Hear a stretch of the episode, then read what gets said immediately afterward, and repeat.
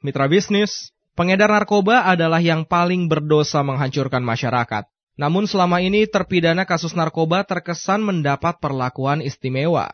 Penyelundup narkoba asal Australia, Shempel Corby, diberi keringanan hukuman oleh Presiden SBY sebanyak lima tahun dari vonis 20 tahun penjara.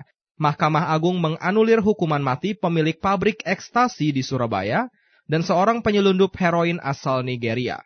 Dan yang terbaru, Presiden SBY memberi keringanan dua terpidana mati kasus narkoba menjadi hukuman seumur hidup. Untuk membicarakan hal tersebut, saat ini kami telah tersambung dengan politisi sekaligus budayawan, Eros Jarot. Pak Eros, apa komentar Anda melihat hal ini?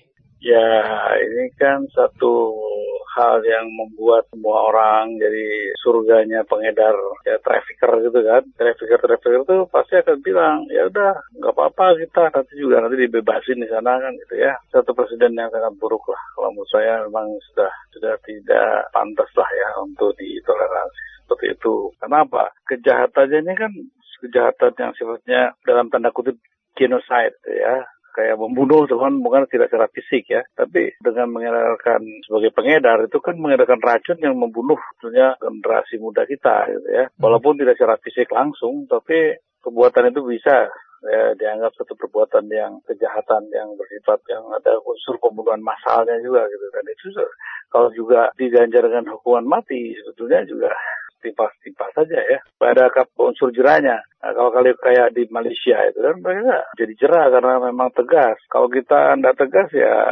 jangan salahin juga kalau mamanya nanti ada kong kaling kong lagi. Jadi kasihanlah teman-teman di bagian Goris Mere itu ya, pemberantasan narkoba kalau mamanya ujung akhirnya ya diperlakukan istimewa ada keistimewaan-keistimewaan yang tertentu. Kecuali ada hal yang masih menyang disangsikan. Tapi kalau jelas-jelas pemilik pabrik ya, kalau pabrik udah, apalagi pabrik udah membuat pabriknya gitu kan, itu kan udah katakannya biang iblisnya gitu ya. Susah kalau itu, itu dipahami aja susah apalagi dimengerti gitu. Lalu Pak Menkumham menjelaskan, gerasi yang diberikan Presiden kepada salah satu terpidana kasus narkoba dilakukan berdasarkan pertimbangan kemanusiaan, di mana orang tersebut ternyata adalah seorang PNS rendahan yang terbujuk menjadi kurir narkoba ke luar negeri.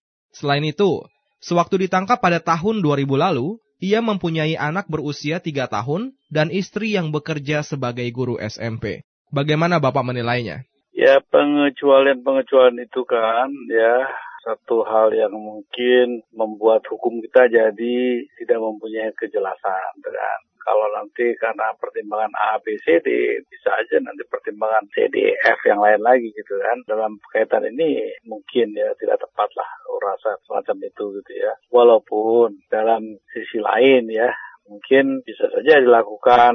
Banyak Pak SBY mau berbaik hati ya silahkan saja ya. Diskusi dijalankan tapi anaknya ditanggung, istrinya diberikan apa ya dikasih tanggung negara anaknya sampai sekolah kasihan kalau pertimbangannya. Gitu ya kenapa nggak ambil jalan itu? Tapi membebaskan yang sudah ter terpidana gitu kemudian dengan keringanan saya rasa itu bukan satu hal yang mendidik. Kalau toh terjadi semacam itu gitu kan mungkin tidak tepat lah untuk hari-hari sekarang ini gitu ya. Karena memang situasi penegakan hukum Indonesia itu memerlukan ketegasan dan kejelasan ya. sehingga hal semacam ini umpamanya di negara lain itu ya semua udah bisa aja ada gerasi orang-orang kan nggak begitu terlalu peduli gitu karena semuanya sudah berjalan dengan baik gitu kan. Demikian politisi sekaligus budayawan Eros Jarot. Saya Wendy Lim.